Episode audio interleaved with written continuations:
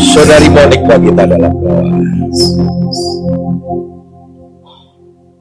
Kami mengucap syukur Tuhan buat berkat-Mu Tuhan buat pagi hari ini Tuhan.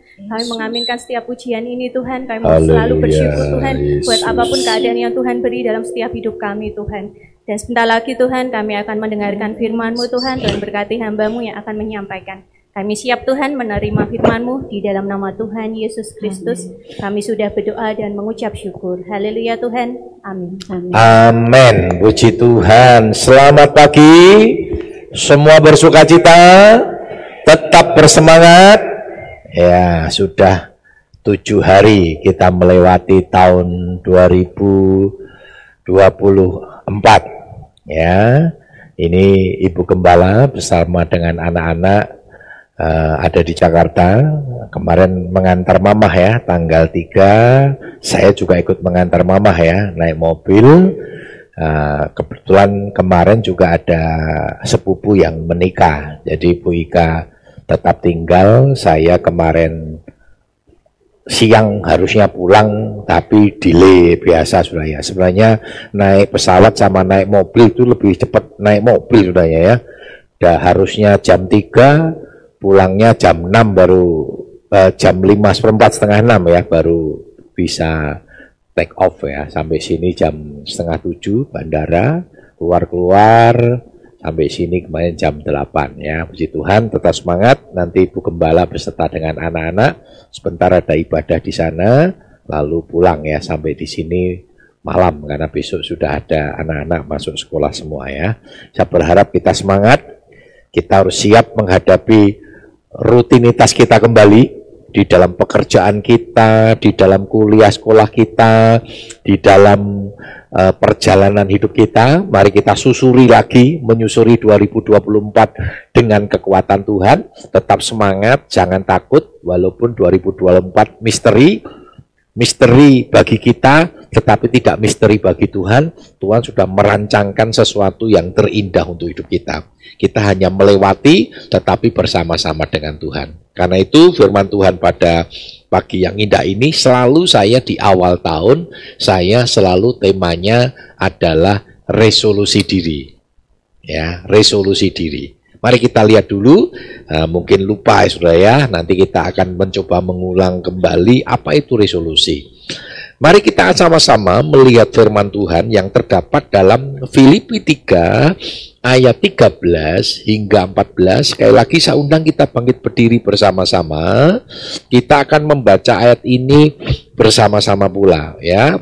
Filipi 3 ayat 13 hingga 14 kita akan baca bersama-sama. Dua, tiga, saudara-saudara, aku sendiri tidak menganggap bahwa aku telah menangkapnya, tetapi ini yang kulakukan, aku melupakan apa yang telah di belakangku dan mengarahkan diri kepada apa yang di hadapanku dan berlari-lari kepada tujuan untuk memperoleh hadiah, yaitu panggilan surgawi dari Allah dalam Kristus Yesus. Puji Tuhan, silakan duduk. Bapak Ibu Saudara, hidup kita bukan untuk masa lalu. Hidup kita untuk waktu yang terus melaju di depan kita. Masa lalu hanya menjadi sebuah monumen. Makanya sering kali kan kalau Natal itu kan banyak yang foto-foto sudah ya. Wah, foto-foto, foto-foto, foto. Setelah foto kan sudah hilang, betul? Tapi monumennya kan masih ada ya. Nanti nginget lagi, wah ini Natal tahun 2001, ini Natal tahun 2002. Secara tidak terasa saya sudah eh, melaksanakan Natal 14 kali sudah ya. Karena dari 2010 mulai 10 sampai 13 berarti 14 kali. Ya nggak terasa ya, cepat sekali waktu berjalan ya. Ketika saya ngobrol-ngobrol sama temen, eh kamu neng Solo Tikus berapa tahun? 13 tahun saya bilang. Wah, oh cepet men yo. Maksudnya kok sudah terasa berjalan begitu begitu cepat sekali, tetapi itulah hidup. Dan itu kan tinggal memori sudah ya. Kemarin itu kan menjadi memori masa-masa depan kita. Nah, hidup kita bukan untuk masa lalu. Masa lalu itu hanya sebuah pembelajaran. Penting nggak? Ya penting. Yang namanya pembelajaran itu penting. Pembelajaran baik itu yang namanya masa lalu itu kita peroleh dengan kegagalan maupun masa lalu itu dalam bentuk kesuksesan. Bahkan ketika engkau sukses di masa lalu pun jangan terus merasa selesai hidup ini. Enggak. Itu menjadi pembelajaran bagaimana kita mempertahankan. Mempertahankan enggak gampang, Saudara. Ya, merebut itu lebih mudah daripada mempertahankan.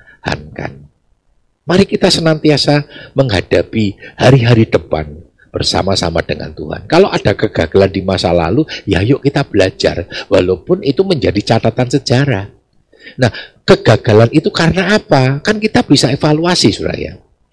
Kami kalau rapat majelis selalu ada dua agenda. Yang pertama, evaluasi dulu. Biasanya kami mengevaluasi ya kerja-kerja dari setiap uh, majelis bidang itu kita evaluasi. Apa sih gitu. Baik itu kegagalan maupun keberhasilan. Kalau wis berhasil ya ora bangga tetapi ditingkatkan. Tapi kalau gagal ya nggak usah nggak usah nggak usah marah dengan kegagalan. Kegagalan itu ada dua, saudara. Satu karena ya kita, karena kebodohan kita. Kalau nanti kita membaca dalam Efesus 5 itu kan ada dua, saudara Perhatikanlah dengan seksama bagaimana kamu hidup, jangan seperti orang bebal, tapi seperti orang A, arif. Ada kegagalan karena kita bebal, ngerti bahwa ini kalau dijalankan ini mesti salah. Ngerti kalau ini dilakukan pasti akan menghancurkan kita. Yojo ya dilakukan no. Tapi nanti kalau sudah menghadapi kegagalan baru waduh-waduh biung. Ya, Nah, itu ada kegagalannya karena karena kita bodoh. Ngerti firman Tuhan sudah diajarkan pengalaman-pengalaman hidup masa lalu ya. Banyak contohnya narkoba. Wis ora usah. Ini para artis-artis kan banyak yang ketangkap-ketangkap lagi ya. Ya, ketangkap lagi memang katanya, katanya. Makanya jangan nyoba, Saudara. Wis ojo nyoba. Orang kalau sudah terikat dengan narkoba, tidak gampang untuk melepaskan. Saya berapa kali melayani orang-orang sing narkoba, saudara. Wah sudah ndablek. Orang narkoba itu ndablek. Kenapa? Sudah dipengaruhi itu bukan lagi suka psikis mentalnya itu dipengaruhi. Kalau sudah terikat itu melepaskan nggak gampang. Nah rasa nyobo. Masih ingat ya, dosa itu apa saudara? Memikat, nikmat, mengikat Perhatikan sudah. Lalu yang terakhir kiamat. Ya udah ngiket, hancurlah hidup kita. Itu dosa, saudara.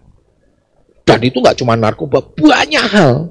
Dosa itu selalu kelihatannya nikmat, memikat, terus newes diikat kita. Melepaskan nggak gampang. Newes kiamat. Habislah kita. Karena itu belajar dikatakan pergunakanlah dengan saksama bagaimana kamu hidup. Ya. Nah, sekarang kita akan lihat sama-sama Saudara, apa itu resolusi? Ya. Setiap awal tahun saya sampaikan tapi saya ulang lagi, saya takut bahwa Saudara eh, apa namanya? resolusi dari kata reulang solusi, mengulang kembali solusi kita. Ya, resolusi itu artinya dalam bahasa uh, kamus besar bahasa Indonesia karena itu menjadi patokan ya kamus besarnya patokannya KBBI sudah ya itu yang dikeluarkan resmi oleh pemerintah. Ya ada Purwadarminto dan sebagainya. Tetapi saya sering kali ngambil dari KBBI kamus besar bahasa Indonesia. Itu artinya suatu janji pada diri sendiri atau keputusan untuk melakukan sesuatu terutama untuk memperbaiki perilaku atau gaya hidup seseorang di tahun mendatang jadi resolusi itu merupakan satu janji. Bukan sekedar janji, tetapi satu komitmen kita untuk memenuhi janji kita. Berdasarkan evaluasi masa lalu kita. Ya, lalu apa tadi? Tujuannya untuk memperbaiki diri. Inilah, inilah, inilah bedanya kita dengan makhluk ciptaan lain, saudara. Kalau anjing di belakang, saudara, ya coba saudara lihat anjing ya. Anjing kan tidak peduli, saudara, karena itu berdasarkan naluri. Ya, pernah lihat ya anjing yang ngawini mbuke. Betul saudara ya? Loh kalau manusia dosa nggak sudah? Wah itu persinan. Neng kiri orang mudeng sudah. Belum pernah kan lihat sudah ya, yang ngawini saudaranya sendiri sudah ya. Pokoknya sing penting nek anjing itu sing jantan ono wedok sikat saudara. Ora peduli itu mboke, adike, Mbak Yune sikat. Dan belum pernah lihat saudara ya, setelah nyikat mboke, adik itu bermenung-menung menyesal terus minta ampun sama Tuhan. Tidak ada saudara. Binatang tidak diberikan kemampuan untuk itu. Tapi saudara dan saya diberikan kemampuan. Jadi kalau kewan itu sulit ngono. Ojo pernah ada anjing, oh ora bertobat bertobat anjing kok bertobat. Dia nggak perlu bertobat karena anjing begitu mati wes selesai. Makanya jangan jangan ini sudah ya. Begitu anjing yang kita sayangi, kucing kita sayangi, ya dikubur kayak hanya untuk kenang-kenangan rapopo sudah terus didoakan sampai ketemu di surga. Wah, surga nih sopo saudara bayangin surga ono kiri saudara saya mengresi indoke sopo saudara nguyui barang gak tak ngepal saudara nggak ada saudara nggak ada sudah. Selesai wes habis saudara. Tunggu aku ya nengko neng surga katanya begitu neng surga kiri kundi nah itu binatang. Saudara diberikan kemampuan untuk oleh Tuhan untuk bisa memiliki resolusi. Kenapa? Karena kita diberikan kemampuan untuk memperbaiki di diri. Maka manfaat firman itu apa, saudara? Yang pertama ngajar tuh. Ngajar tuh supaya kita ngerti ini benar nih salah. Yang kedua apa? Kalau sudah ngerti benar salah kan, wah salah, menyatakan kesalahan. Lalu nek salah sudah. Apa yang ketiga? Diperbaiki kelakuannya. Makanya dengar firman Tuhan tujuannya itu. Lalu yang keempat apa? Setelah salah, kita pernah diajar, lalu kita salah, gagal, ya, lalu diperbaiki. Setelah keempat, dididik dalam kebenaran. Akhirnya kita harus berjalan dalam kebenaran. Itulah fungsi firman. Nah, kita perlu punya resolusi untuk tahun 2024 melihat kegagalan-kegagalan di masa lalu. 2024 selalu saya katakan tahun-tahun yang akan kita hadapi tidak semakin mudah. Sekali lagi saya katakan ini bukan untuk membuat saudara takut. Membuat kita sadar diri. Bahwa kita nggak mampu hadapi dengan kekuatan kita, Tuhan sudah kasih solusi. Tuhan sudah proteksi kita, Tuhan sudah backup kita. Nah sekarang persoalannya sudah mau terima backupnya Tuhan atau enggak? mau terima proteksinya Tuhan atau enggak atau mau sakarmu dewi ya monggo surahkan terseok-seok menghadapi 2024 dalam hal apa pun dalam ekonomimu dalam rumah tanggamu dalam pelayananmu kuliah sekolahmu libatkan Tuhan ya karena itu mari resolusi yang kita lakukan yang pertama apa sudah dikatakan melibatkan Tuhan menghadapi hari depan karena kita tahu hari depan kita gelap. Misteri. Tapi Tuhan kita ngerti. Tuhan kita mampu. Karena dia menguasai ruang dan waktu. Dia adalah Allah dalam kekekalan. Karena itu libatkan Tuhan dalam menghadapi hari depanmu. Ya, libatkan Tuhan. Kenapa saudara? Di dalam Tuhan ada hari depan yang penuh harapan. Dan Tuhan sudah mempersiapkan rancangan-rancangan itu. Walaupun rancangan-rancangan itu kelihatannya harus menghadapi tantangan-tantangan. Karena Tuhan mau kita menjadi orang yang kuat. Kan berani katakan, kamu tidak lagi membutuhkan susu. Tapi makanan yang keras. Kalau ditinjau dari sudut waktu, harusnya kita sudah diajar tentang nilai-nilai kebenaran yang semakin meningkat. Tidak lagi diajarkan dengan asas-asas pengajaran yang dasar, tidak. Kekristenan kita juga sama, saudara. Bukan lagi cuma dasku mumet, sembahyang mari. Bukan aja.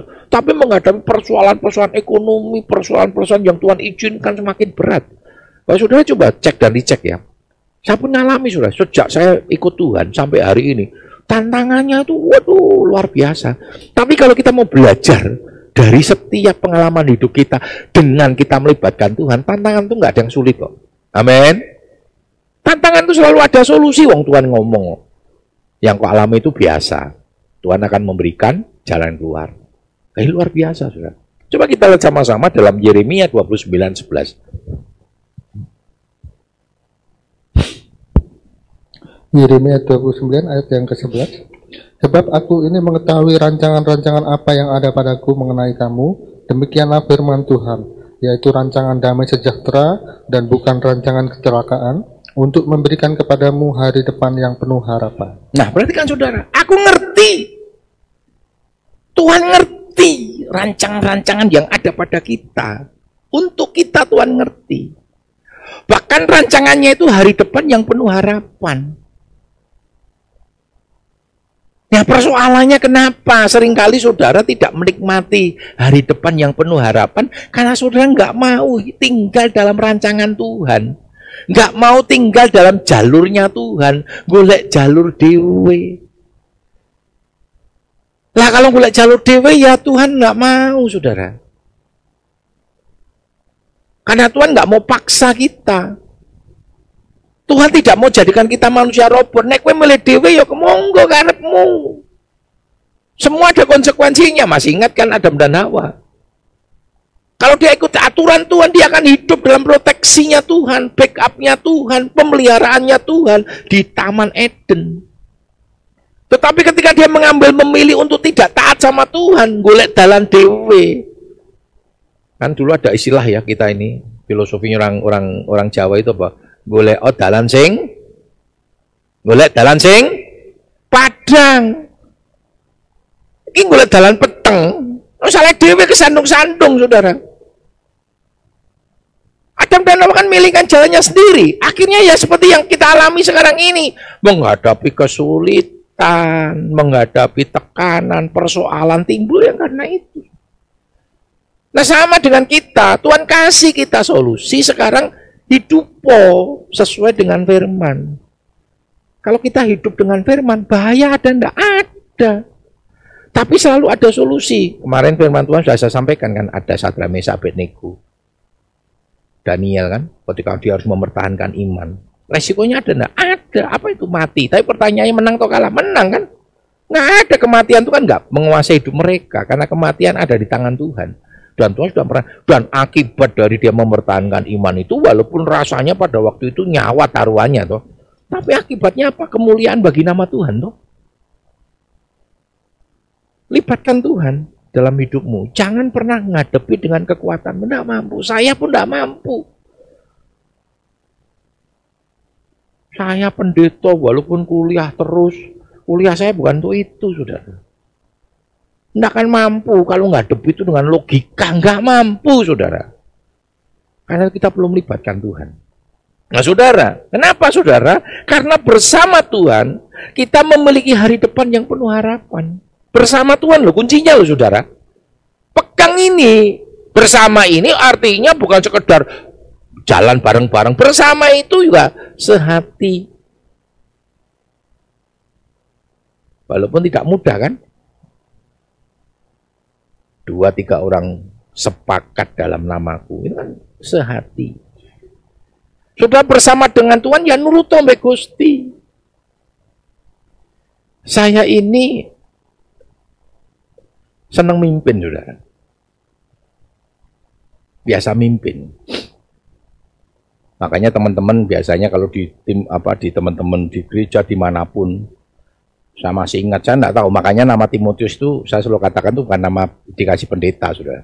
Tapi teman-teman, karena sejak dari muda itu saya sudah menjadi paling muda, tetapi saya selalu memimpin.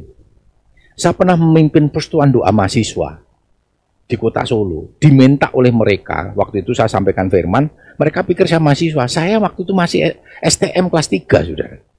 Lalu mereka, Gus, gue jadi ketua, aku rumah mahasiswa. Ora apa-apa, saya jadi pernah jadi ketua. Ya, postuan mahasiswa, sementara saya rumah mahasiswa, saudara. Saya pernah jadi dosen di tiga paling muda. Nah, saudara, tapi saya begini, saudara. Saya orang yang senang mimpin, tetapi begitu sudah ada yang mimpin, saya manut dipimpin. Kalau pergi-pergi itu ya, makanya sering kali kan kita menjadi sentralnya. Kalau mau mukernas apa ke Jakarta, mesti Saya yang disuruh wis ngatur busnya sampai saya harus ngatur tempatnya, saya udah harus ngatur sudah ngatur. Karena bus ini radiator saudara. Ayo, betul nggak saudara? Ribut goro-goro tempat duduk. Aku ngarep, aku ngarep, aku mumet, aku yo mumet, aku reiso, aku beri supir. Aku iki, aku iki, aku iki. Akhirnya, aku lama situ melu katanya. Ya ampun. Lu nggak gampang, saudara. Ngatur tuh nggak gampang, betul nggak saudara? Nggak gampang. Harus tak tato sih. Ya, saya tahu nih sopo sing mabuk, sopo sing mumet, sopo sing ora. Harus ditoto dulu, saudara. Makan, saya harus perkirakan, karena jamnya harus diperkirakan. Dan sama saya mereka udah tahu. Saya bilang, jam bolu tet, tet mangkat. Saya pernah rombongan mubes, saudara, ya ke Malang, ngumpulnya di Salatiga. Saya disuruh mimpin. Waktu itu saya masih muda, mungkin utusan yang paling muda, tapi sama MD waktu waktu saya belum jadi MD masih wilayah. Gus kamu yang mimpin, karena enak MD nya langsung bablas kabeh sudah. Orang gelem numpak bus, gue mobil dewi-dewi bablas. Saya ditinggal ngurusi hamba-hamba Tuhan, 90 hamba Tuhan ora gampang ya. Apalagi hamba Tuhan itu kadang nek sing mimpin cah nomi, waduh, dipandang sebelah mata sudah. Gimana nih? Ada yang ngebel saya. Bagus, saya masih di Ambarawa. Waktu itu kurang setengah jam sudah, kurang setengah jam. Ojo ditinggal yo, enteni yo, tunggu, saya masih di Ambarawa katanya. Om, pokoknya gini om, jam 8 tet kita berangkat. Ora peduli gue sampai Mbawen. Pokoknya jam 8 belum berangkat. Loh, betul nggak sudah? Masuk 90 orang nunggu gara-gara 89 orang nunggu gara-gara satu orang. Sorry om saya bilang, ini orang tua sudah. Kan orang, wah kejemen. Lo bukan kejem, saya dunia oleh sudah. Betul nggak sudah? Pernah naik pesawat yang ditunggu satu. Betul nggak sudah? Oh, orang makan makan toh. Tolong bapak, bapak, bapak A, tolong ditunggu cepat secepatnya. Ini panggilan terakhir, panggilan terakhir, panggilan terakhir. Wah, mau belum sudah. Begitu wis kabeh ini masuk. Kira-kira sak sak pesawat itu. Heh, iki sing dintenteni. Iki, betul nggak sudah ya? Mau sudah. Pokoknya jam 8 tet datang. Nah, 15 menit kemudian ngeblem nih. Bagus, ojo ditinggal sih. Om sampai mana? Ambarawa. Iki Ambarawa terus-terusan kayak mau setengah jam, mau menit sih Ambarawa. Tolong ya tunggu ya. Pokoknya jam 8 tet. Berangkat. Saya udah bilang, sopir siap-siap 18 semua masuk, semua duduk. Jam 8 tepat kita berangkat. Orang peduli mau MD-nya pun, saya kalau gini, MD-nya pun yang merintah nggak bisa. Saya ketuanya kok. MD boleh tunduk kepada saya. Saya dikasih otoritas oleh MD. Oh betul sudah, MD-nya pun nggak bisa sudah. Gus dinteni. Ah, pimpinan saya bilang, ayo, nek kue sing meh dengan otoritasmu, aku sudah mbok kasih otoritas, Gus dinteni kue dengan MD-mu, pimpinan, saya tak dipimpin. Nah, karena yang dunia kan saya sudah. Oke, sudah. Eh, kurang lima menit. Bagus, tunggu tunggu sebentar lagi sampai Om sampai mana? Ambarawa. Kok macet Ambarawa lima menit apa yo tekan saya bilang. Saya bilang begini, Om, kita ketemu di Malang, Batu Malang ya. Nanti kita ketemu di sana. Nanti saya atur akomodasinya. Pokoknya saya bertanggung jawab. Yang penting ketemu neng Batu Malang. Singkat cerita 8 berangkat. Dia ngebel. Kira-kira kita sudah sampai mau Solo sudah ya dia ngebel. Bagus, aku tekan Solo tiga numpak obis. Tekan Batu Malang. Terus ngomong begini, kita nanti berhenti di Mojo Agung. Eh, nganjuk tuh Mojo Agung ya. Kita makan Nah, kita berhenti kurang lebih satu jam. Iso tak anteni lah, dikit-dikit. Tapi harus tepat. Ya, nanti ku tak beli makan, begitu sampai makan di bus. Kejar. Oh ya bagus, tunggu ya, tunggu, tenang. Saya sudah sampai nganjuk, ngepel lagi. Bagus, saya masih di anu Sragen. Lu kok ada men? Bus macet. Ah, sampai ketemu di Batu Malang, saya bilang. Lu ya betul tuh saudara. Bayangin ngenteni mengsa wong tok. Sementara dia bisa kok. Enggak apa-apa, orang beda tak tuh oke. Maksud tak ganti gitu loh. Nah, tapi kalau saya dipimpin, saudara, saya nggak mau. Saya diem, saudara. Walaupun tahu kacau-kacau, saudara. Ya diem. Makanya sering kalau udah kacau gitu, turun tangan tuh, mau saya bilang. Saya belajar dipimpin. Ya semanut aja. Enggak gampang, saudara. Apalagi sudah diatur Tuhan. Ojo sakarepmu dhewe. Saya paling jengkel kalau sudah tak atur, ngeyel-ngeyel ya. Ah, sekolah, kowe mbok atur apa sing ngatur gitu kan sudah. Usah tegas sudah. Nek belum diatur ya manut. Tak atur kepenak. Kowe mangan wis tak pikirke. Semua dipikirkan bahkan akomodasi pun saya udah kirim orang ke sana. Eh, rombongan kita dari Jawa Tengah daftar nose. Karena kalau tidak daftar kan lama sudah. Mereka datang tuh tinggal sudah dapat kamar, kita antar, antar, antar dan sebagainya. Tidak gampang. Lah Tuhan itu kan lebih dari saya. Yang ngaturnya sempurna, amin. Kita sok, wis diatur oleh Tuhan, sudah Tuhan sudah punya plan untuk kita, kita ngatur dewe. Sepertinya kita lebih hebat dari Tuhan, kejeblos kita. Karena itu kita belajar. Karena bersama dengan Tuhan selalu ada hari depan. Yesaya 41 ayat 10. Yesaya 40 ayat yang ke-10. Janganlah takut sebab aku menyertai engkau, janganlah bimbang sebab aku ini Allahmu. Aku akan meneguhkan bahkan akan menolong engkau. Aku akan memegang engkau dengan tangan kananku yang membawa kemenangan. Jadi kan, jangan takut. Ada Tuhan yang selalu menolong kita.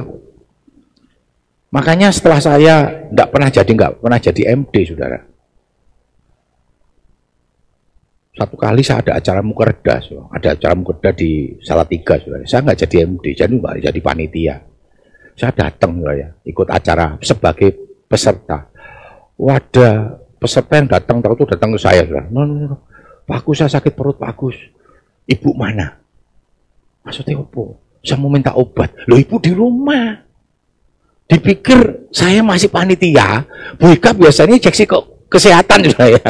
Ibu mana aku sakit perut katanya. Ibu di rumah. Loh, aku nggak datang itu panitia. Saya bukan panitia lagi. Saya bukan panitia. Saya di, saat ini datang sebagai peserta. Makanya teman-teman ngomong gini, oh itu terlalu memanjakan Pak Agus. Oh itu nek jadi anu waktu itu saya kalau mau mau besok saya urus sudah. Urus tiketnya saya urus. Pokoknya mereka tinggal duduk diam.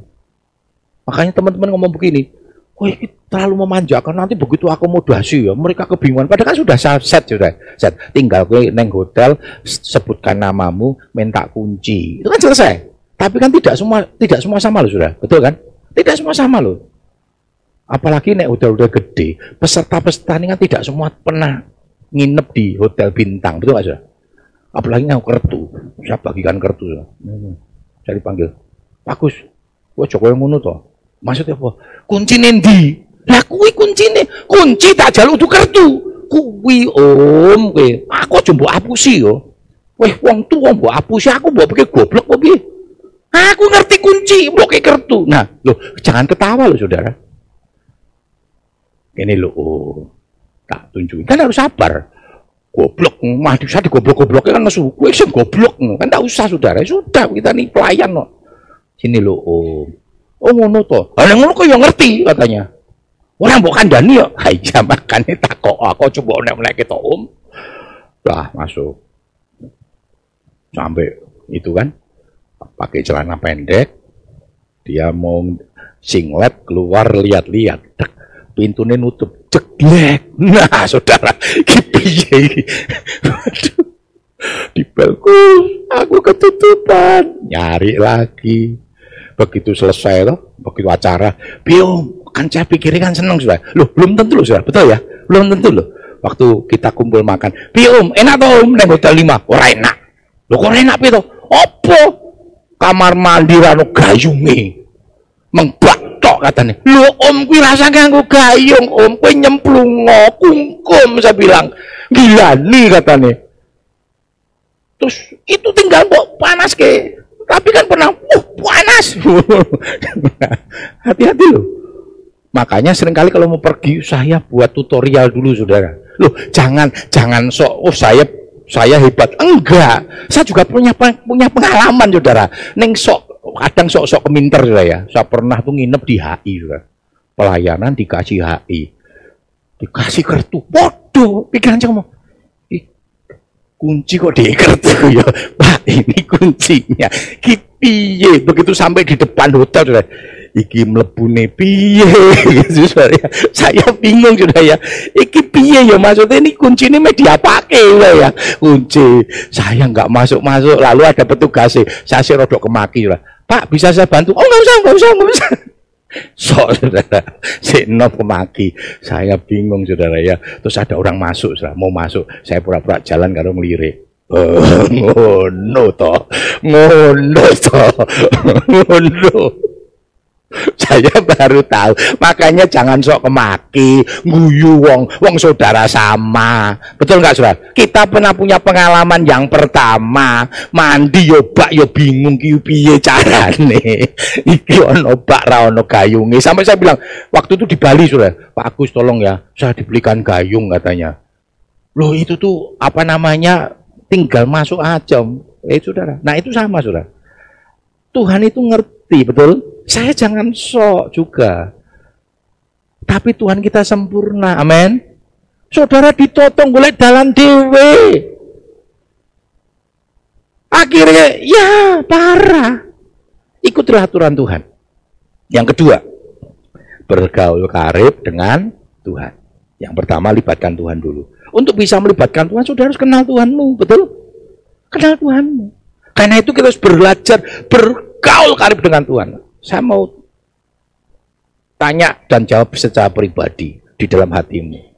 2023, sudahkah engkau bergaul karib dengan Tuhan? Sudahkah engkau dekat dengan Tuhan? Engkau sibuk dengan pekerjaanmu, sibuk dengan masalahmu, sibuk dengan persoalan-persoalanmu sehingga engkau tidak lagi tahu mau dekat dengan Tuhan. Padahal itu kunci dari setiap persoalan hidup. Coba kita lihat dalam Mazmur 25 ayat 14. Mazmur 25 ayat yang ke-14. Tuhan bergaul karib dengan orang yang takut akan dia dan perjanjiannya diberitahukannya kepada mereka. Perhatikan saudara. Tuhan bergaul karib dengan orang-orang yang takut akan dia.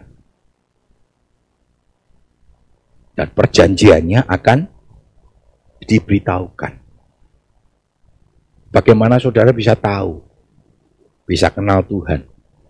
Bagaimana engkau tahu bagaimana Tuhan memproteksi kita? Kehebatan Tuhan itu kalau engkau tidak pernah bergaul karib dengan Tuhan. Ayo kita bergaul karib.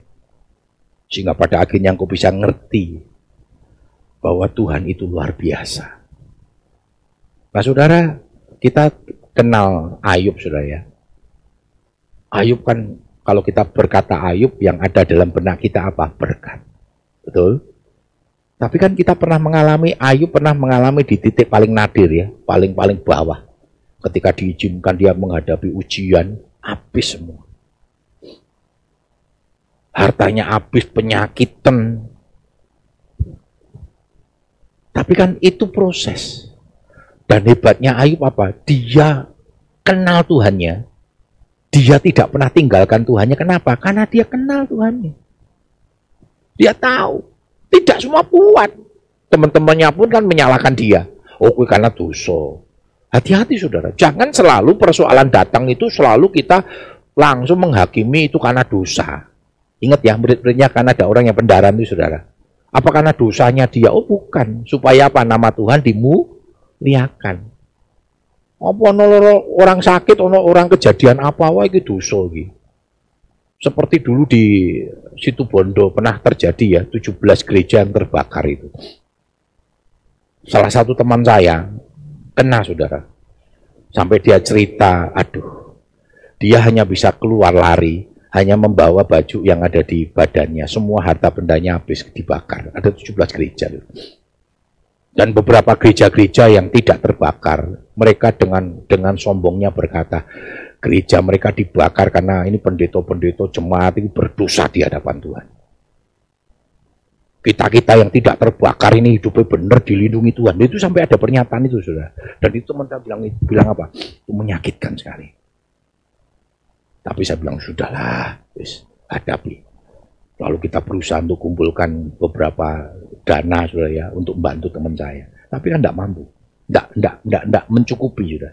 Tapi sudah lihat itu. Setelah beberapa hari kemudian ada gerakan yang luar biasa sudah. Bahkan pada waktu itu Gus Dur masih jadi NU.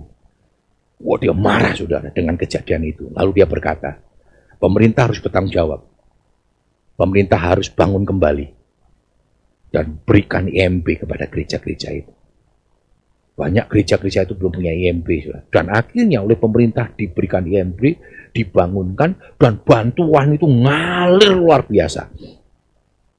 Teman saya ngomong begini, Pak, setelah jadi, saudara, wah ini puji Tuhan Pak, ternyata itu bawa hikmah. Loh, iso, kami itu rencana bangun, dananya terbatas Pak. Bangun satu lantai, itu aja kami belum bisa bangun sekian tahun karena kita tidak punya dana, IMB-nya sulit. Tapi pada waktu itu dalam beberapa bulan gereja kami dibangun dengan megah bahkan tiga lantai.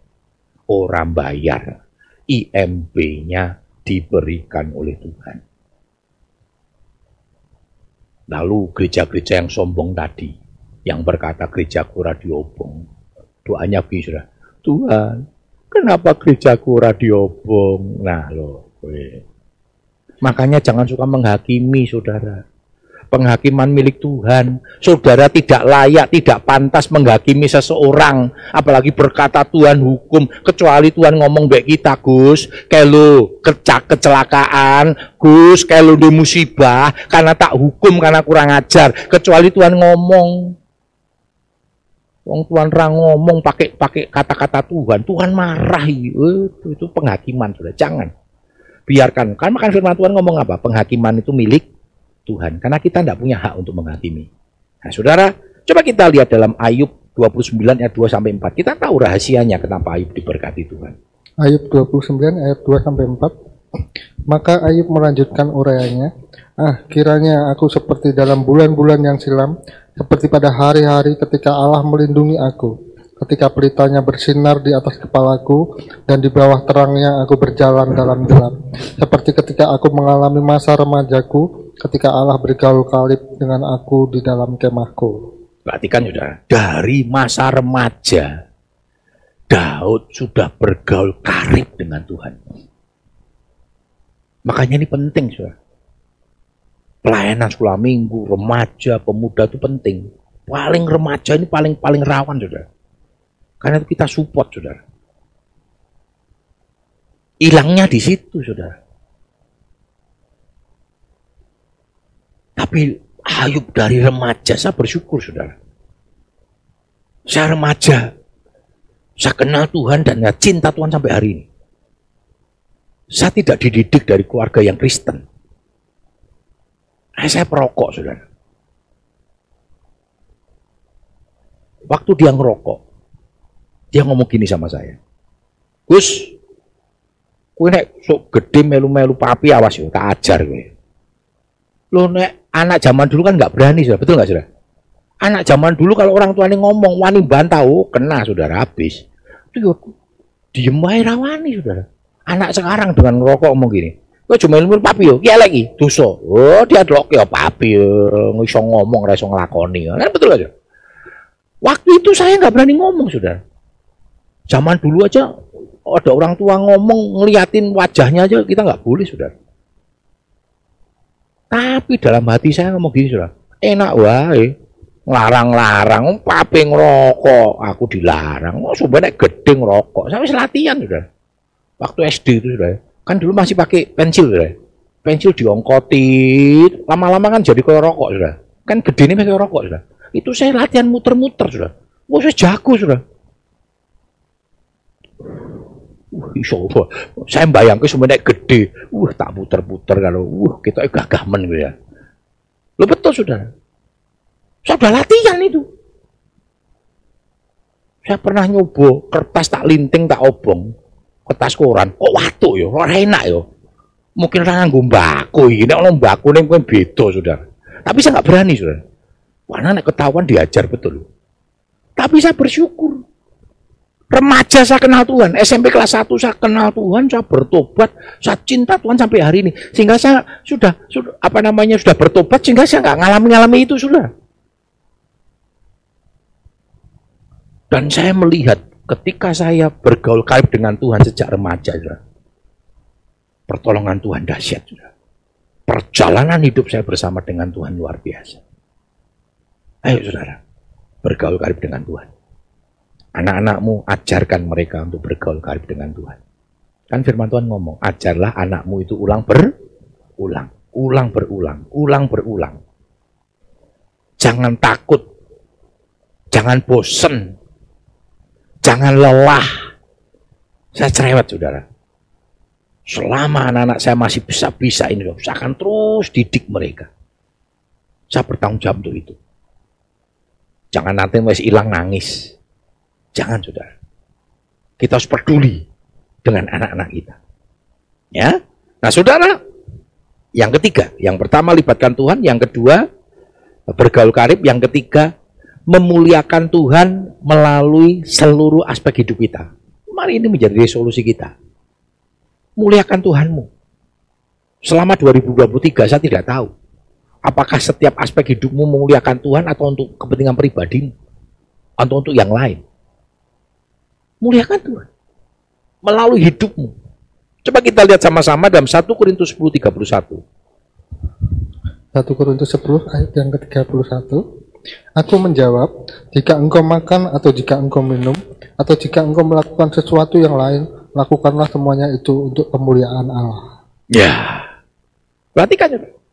Apabila kau makan, apabila kau minum, apabila kau melakukan sesuatu yang lain, lakukanlah untuk kemuliaan nama tu Tuhan.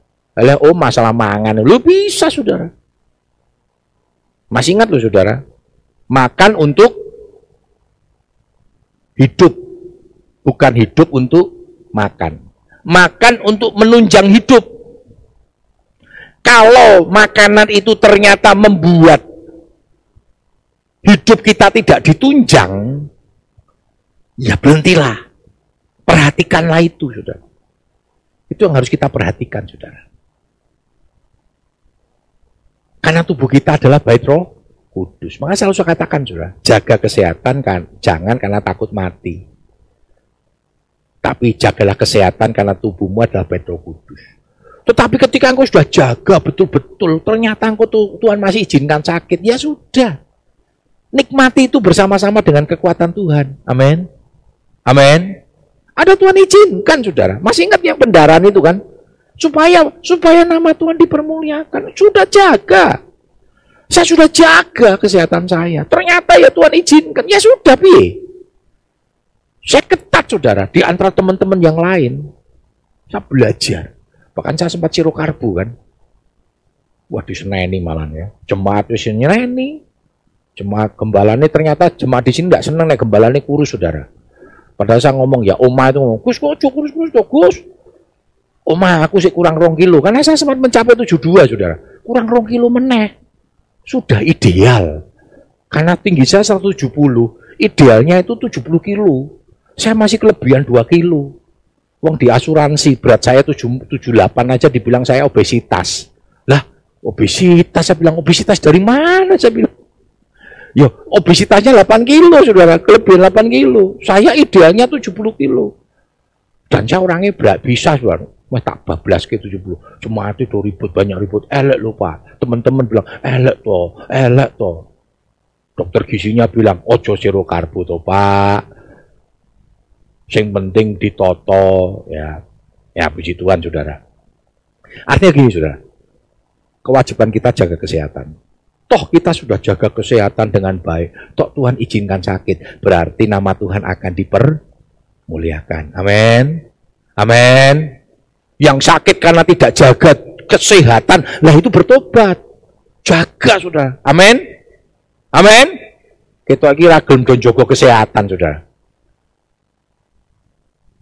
Kemarin saya tekur satu hamba Tuhan, ketemu. Buat orang bodoh atau itu kira olahraga, bisa bilang. Kira tahu olahraga, ya. Kita harus jaga, saudara.